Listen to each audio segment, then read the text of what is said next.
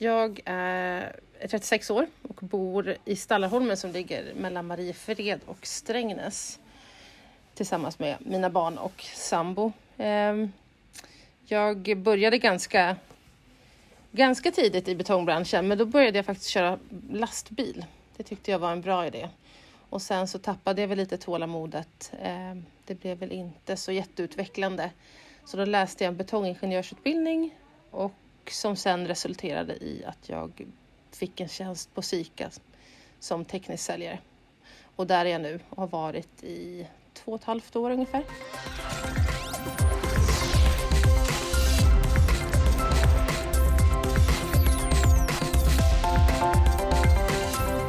Jag heter David Bogerius och det här är tidskriften Betongs podcast Betong Live.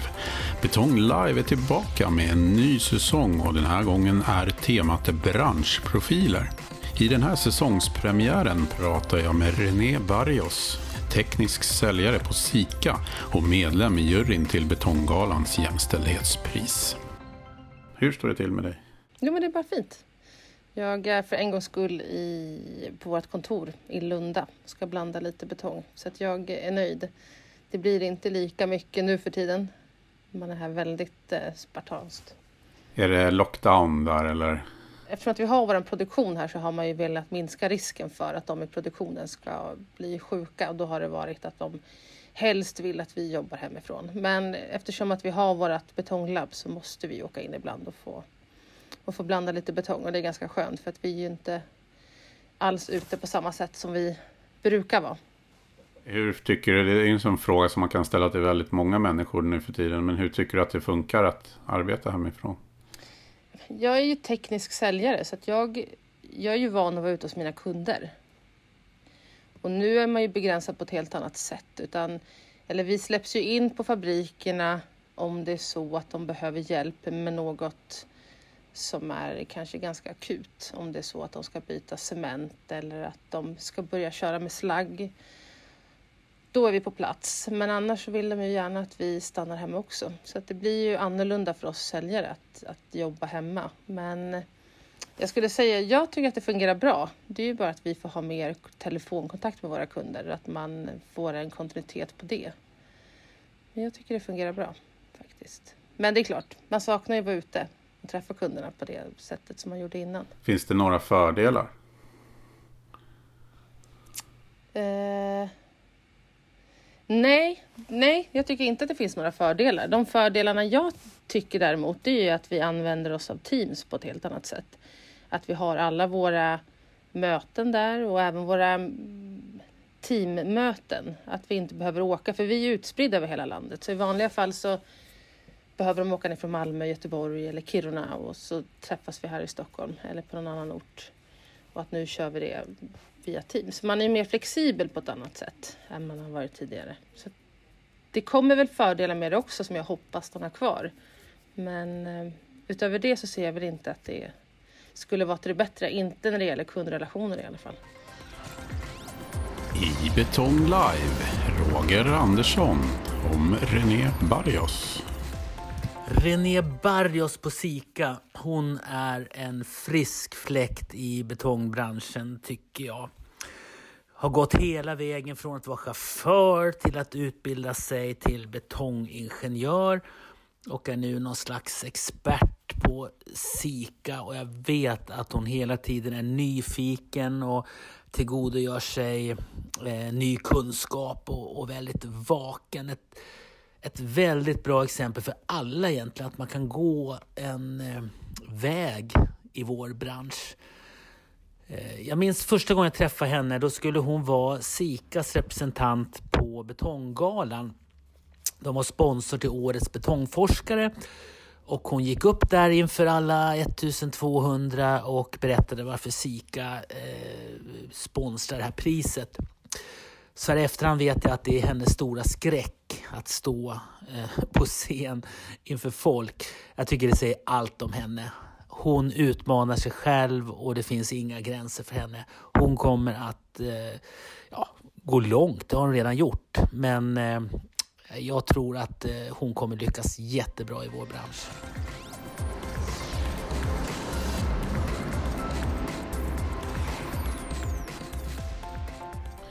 Men då, jag måste fråga, hur kom det sig att du började köra lastbil?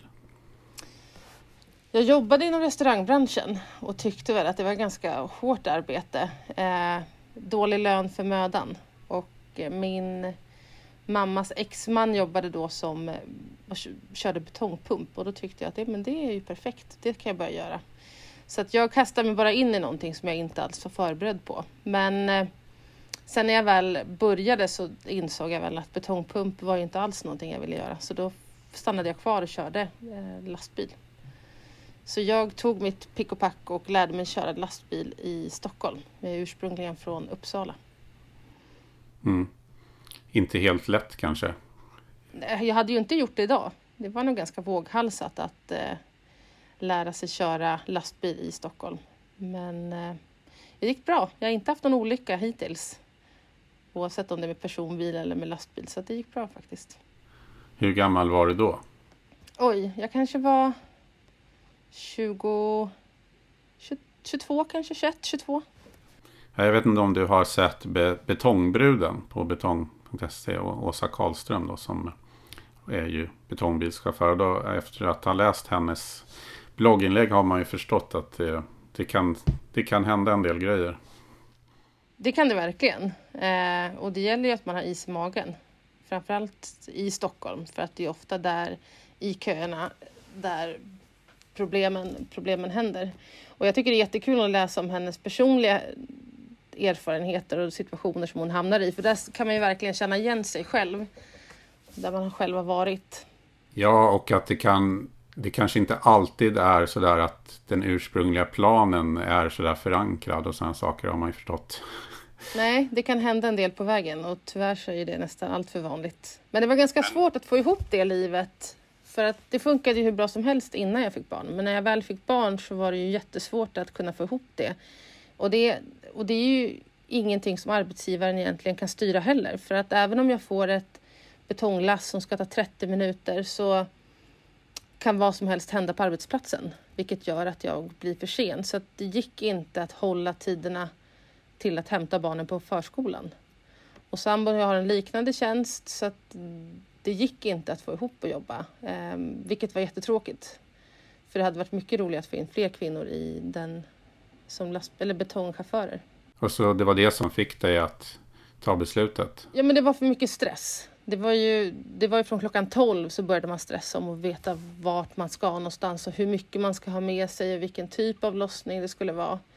Um, och det sätter ju en ganska, det är ju en stress också för de processteknikerna som sitter och blandar betongen att ha chaufförer som är uppe och springer och stressar om vart de ska ta last och vilka last de inte kan ta och vilka de kan ta.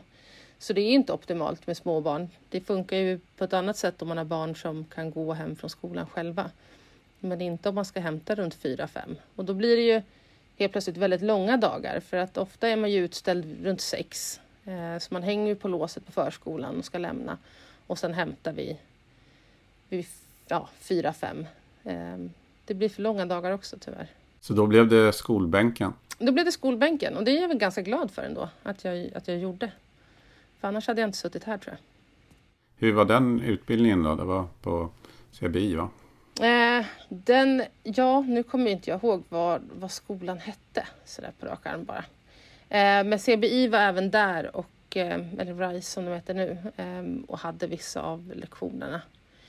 Och det, var ju, det är ju en ganska bred utbildning och jag hade kanske velat haft lite mer betonglära för när jag väl hamnade här hos SIKA så insåg jag ju att jag hade behövt otroligt mer kompetens än vad jag hade då. Så att jag hade ju en ganska stor uppförsbacke när jag kom hit.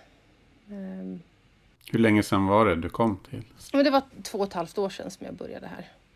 Och då tänkte jag det kan ju inte vara så svårt. Men så hamnar jag ju bara det att man ska lära sig 300 olika produkter med eh, som ofta heter någonting i sifferkombination som 3020 VC eller 3020 CA och så ska man lära sig eh, olika, deras olika funktioner och hur man ska använda dem och när man ska tillsätta dem. Och det, var, men det var ganska svårt att komma in i det. Men jag är glad att jag har kollegor som, som faktiskt är väldigt prestigelösa. eh, och väldigt hjälpsamma så att det, det gick nog ganska bra ändå att komma in i det. För sånt där kan ju vara en mardröm annars om man hamnar i ett gäng som tycker att ja, men det där ska ju du kunna. Ja, precis. Och sen så betong är ju så himla svårt. Det är ju inte, det är inte något, en produkt som man någonsin kommer kunna lära sig för att den spelar ju verkligen roll. Så även om jag har ett fungerande recept hos, på en fabrik så kommer, vet jag att det receptet kommer aldrig funka på en annan fabrik för att allting spelar in. Allt från vad det är för olika delmaterial eller blandartyp och sådär.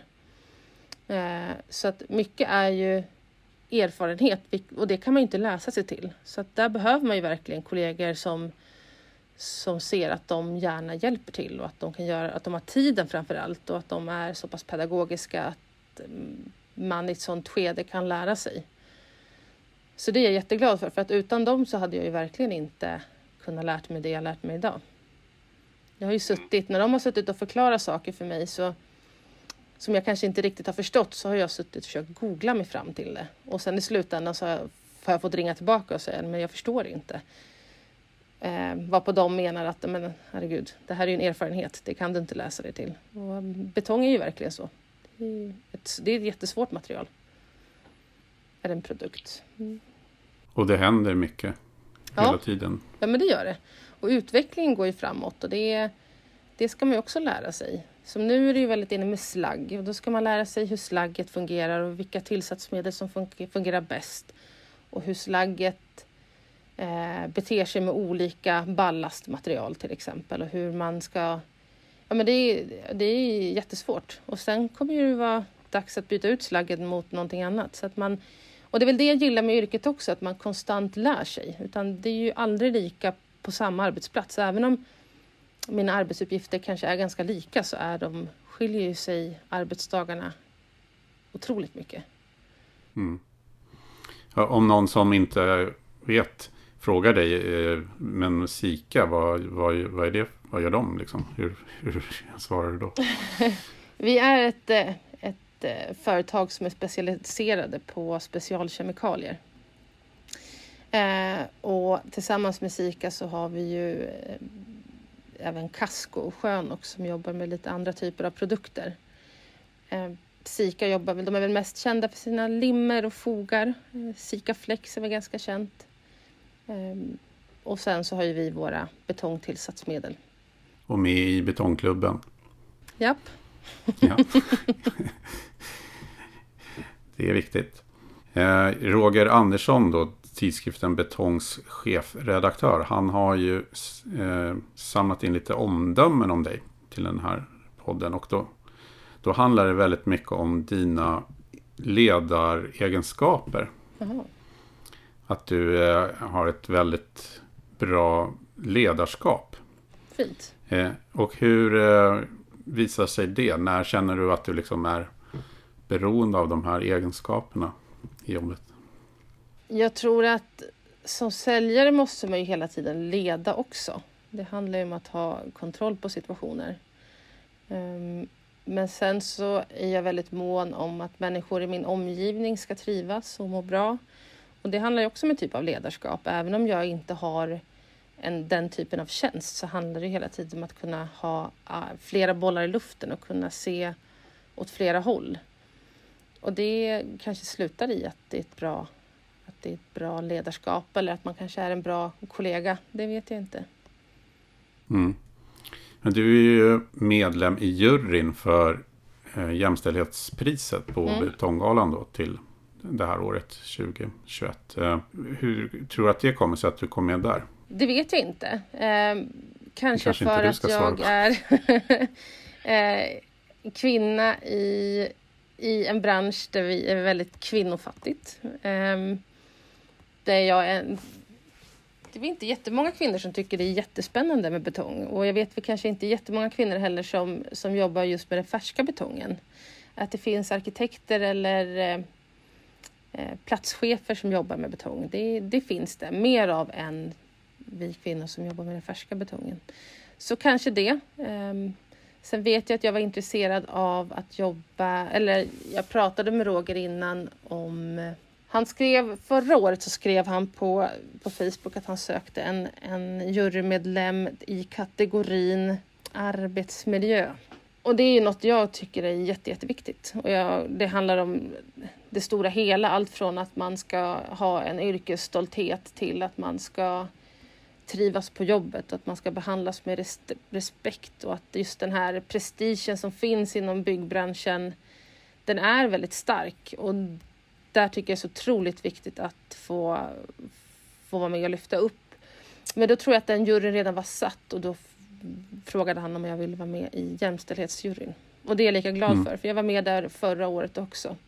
Och vi fick en jättefin vinnare i slutändan. Så att, mm. Ja, eh, för just arbetsmiljö har man ju förstått att det, kan se väldigt olika ut. Mm. Men så är det. Och jag ser det nog ganska mycket i, i betongbranschen också. Även om man gör, man jobbar, jag kan tycka att man jobbar för mycket med kvalitet och att man på något sätt glömmer bort de som faktiskt jobbar. Nu pratar jag just om betong, ehm, för det är det jag har mest erfarenhet av. Inom betongbranschen så är det ju väldigt mycket jag tycker att kompetensen finns inte och där saknar man en viss förståelse för, ehm, för betongen, vilket resulterar i dålig kvalitet i slutändan. Och det tror jag handlar om utbildning för att om man lär sig av vad betong är så öppnar man ju upp en helt annan värld. En jätteintressant värld och man får en helt annan förståelse. Och det kan jag se saknas både på fabriksbetong som olika prefabanläggningar att även om de efterfrågar utbildning så kanske inte arbetsgivaren kan ge det. Och det har ju också med arbetsmiljön att göra för att det blir så otroligt svårt och trögjobbat för dem att optimera recept till exempel, för de vet inte riktigt hur de ska göra. Och där är ju vi, vi med och stöttar jättemycket. Har de problem med betong så ringer de till oss och så hjälper vi till att liksom, optimera betongen.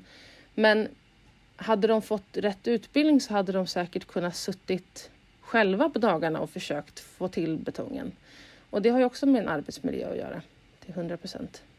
Eh, ett annat omdöme eh, inom samma område är att du inte tvekar att påtala obekväma sanningar och, och brister och att du på ett så sätt har kunnat bidra till en bättre arbetsmiljö.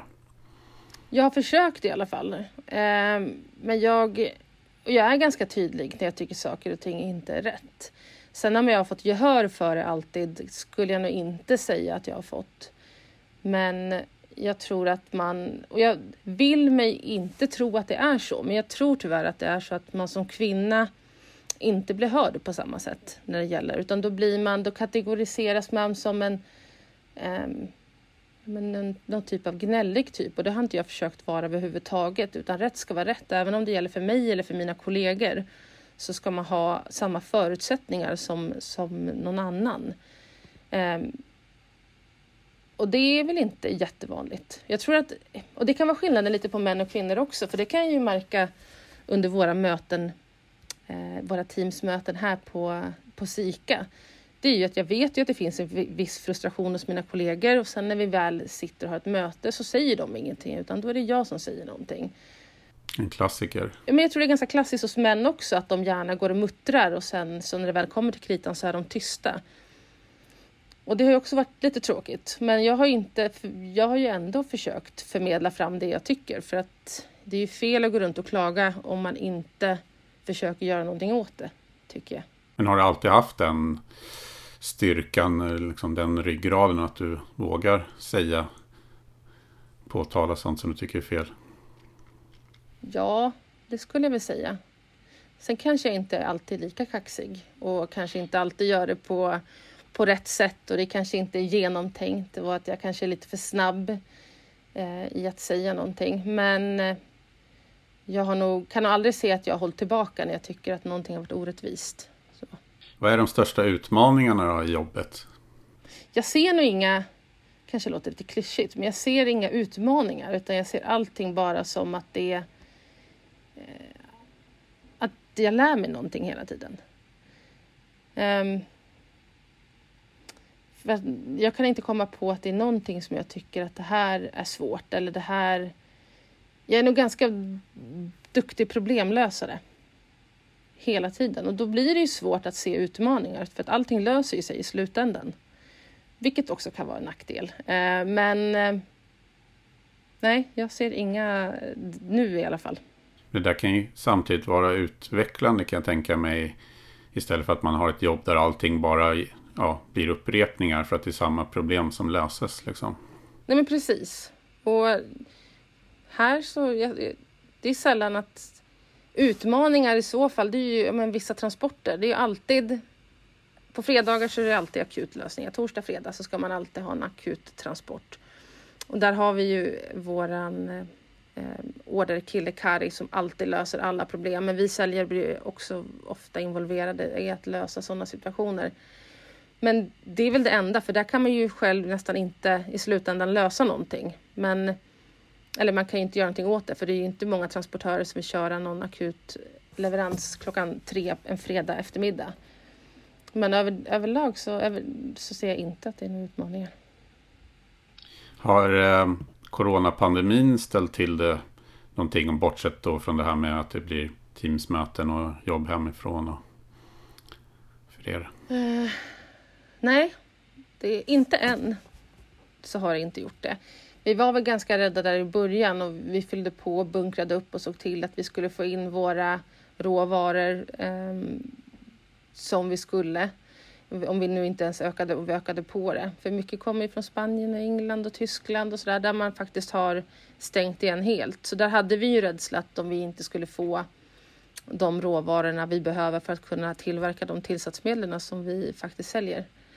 Men allting har gått jättefint. Nu börjar man väl se en, en svårighet i, i transporter. Eh, det är många containrar till exempel som, som är fast i Kina som inte kommer loss, vilket kan påverka eh, några av våra produkter som vi säljer. Men eh, överlag så skulle jag inte se att... Alltså, vi har klarat oss väldigt fint eh, överlag tror jag i betongbranschen från, från pandemin. Mm. Bortsett från det då, om, om vi håller oss kvar vid utmaningar, vad ser du för branschen i stort? Liksom, vad är de viktigaste frågorna närmsta tiden? CO2-utsläppen kommer vi inte komma ifrån, mm, hur vi än gör. Um, utmaningen där är väl att vi hittar någonting långsiktigt. För att de lösningarna vi har nu med flygaska och slagg, det är ju bara en övergångsfas. Det är ju inte något som jag ser kommer finnas eh, om några år, utan då är det slut på det. Då måste vi hitta någon annan, någon annan lösning. Så det är väl den största utmaningen inom betongbranschen och sen kommer det hela tiden nya krav på eh, plaster till exempel. Vi, eh, vi säljer ju plast. Det är ju, så att vi har ju Just nu jobbar vi väldigt mycket med produktutveckling, att hitta produkter som kan ersätta, som kan minska CO2-utsläppen eller om det är olika typer av miljöförstöringar. Och det är jättekul och jätteintressant och väldigt viktigt framför allt.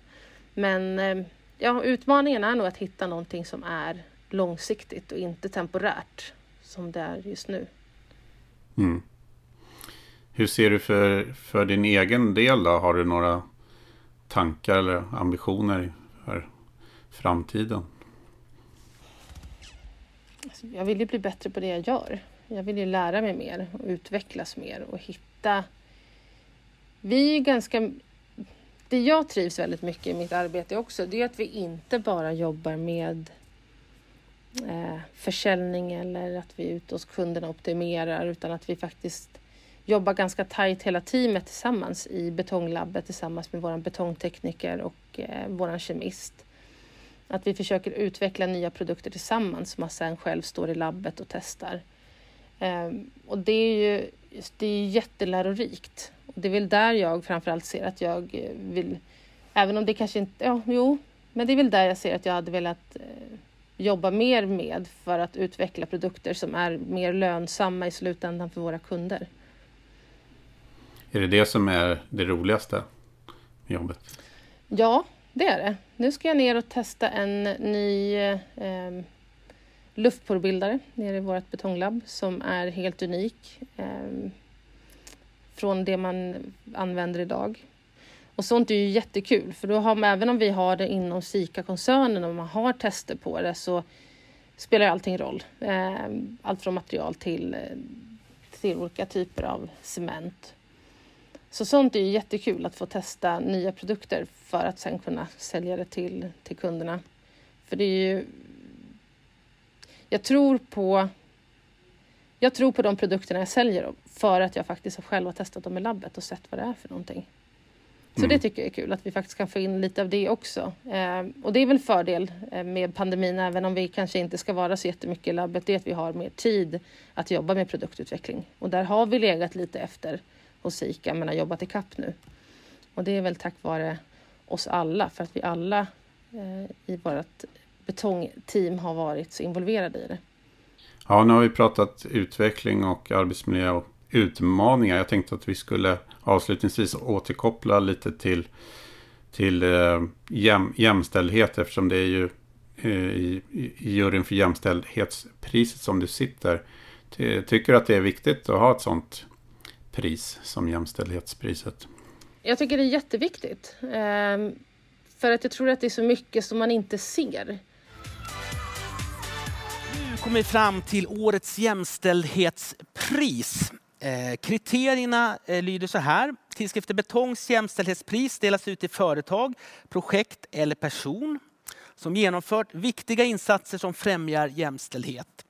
Jämställdhet handlar om jämlikhet mellan kvinnor och män som ska ha samma möjlighet att forma samhället och sina egna liv. Området omfattar bland annat frågor som makt, inflytande, ekonomi, hälsa, utbildning, arbete och fysisk såväl som psykisk integritet. Juryn har bestått av Cecilia Holmström, OVL Arkitekter, Boel Hellman, 3XN, René Barrios, Sika och Maria Karlstedt, JM. Och sponsor är Betongindustri. Vi berättar den som vinnaren tycker jag. Då öppnar vi kuvertet då, årets jämställdhetspris. Motivering, jämställdhet i perfekt passform. Vinnaren av årets jämställdhetspris är Johanna Söderström.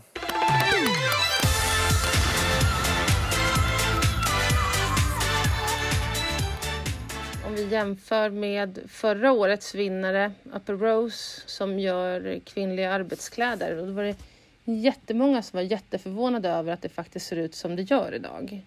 Och eh, hur lättkränkt, jag kanske inte är jättelättkränkt, men jag tycker det är kränkande att jag som kvinna som vi till exempel på Sika har ett klädleverantör som är jättestort. Ehm, de har flera olika butiker i Stockholm men det är ingen butik som har ett helt kvinnligt sortiment. Så åker jag till ett ställe och ska testa eh, ett par arbetsbyxor till exempel så kanske de bara har ett par och våra kvinnokropparna ser så pass mycket annorlunda ut så man behöver fler par att testa. Men då måste de beställa hem det från deras huvudlager.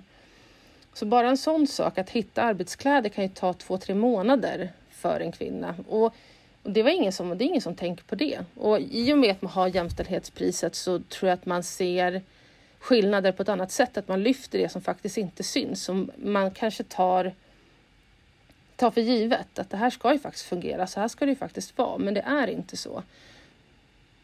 Det, det, är ett svårt, det är ett jättesvårt och det är ett jättebrett ämne som man hade behövt lyfta in hur mycket som helst.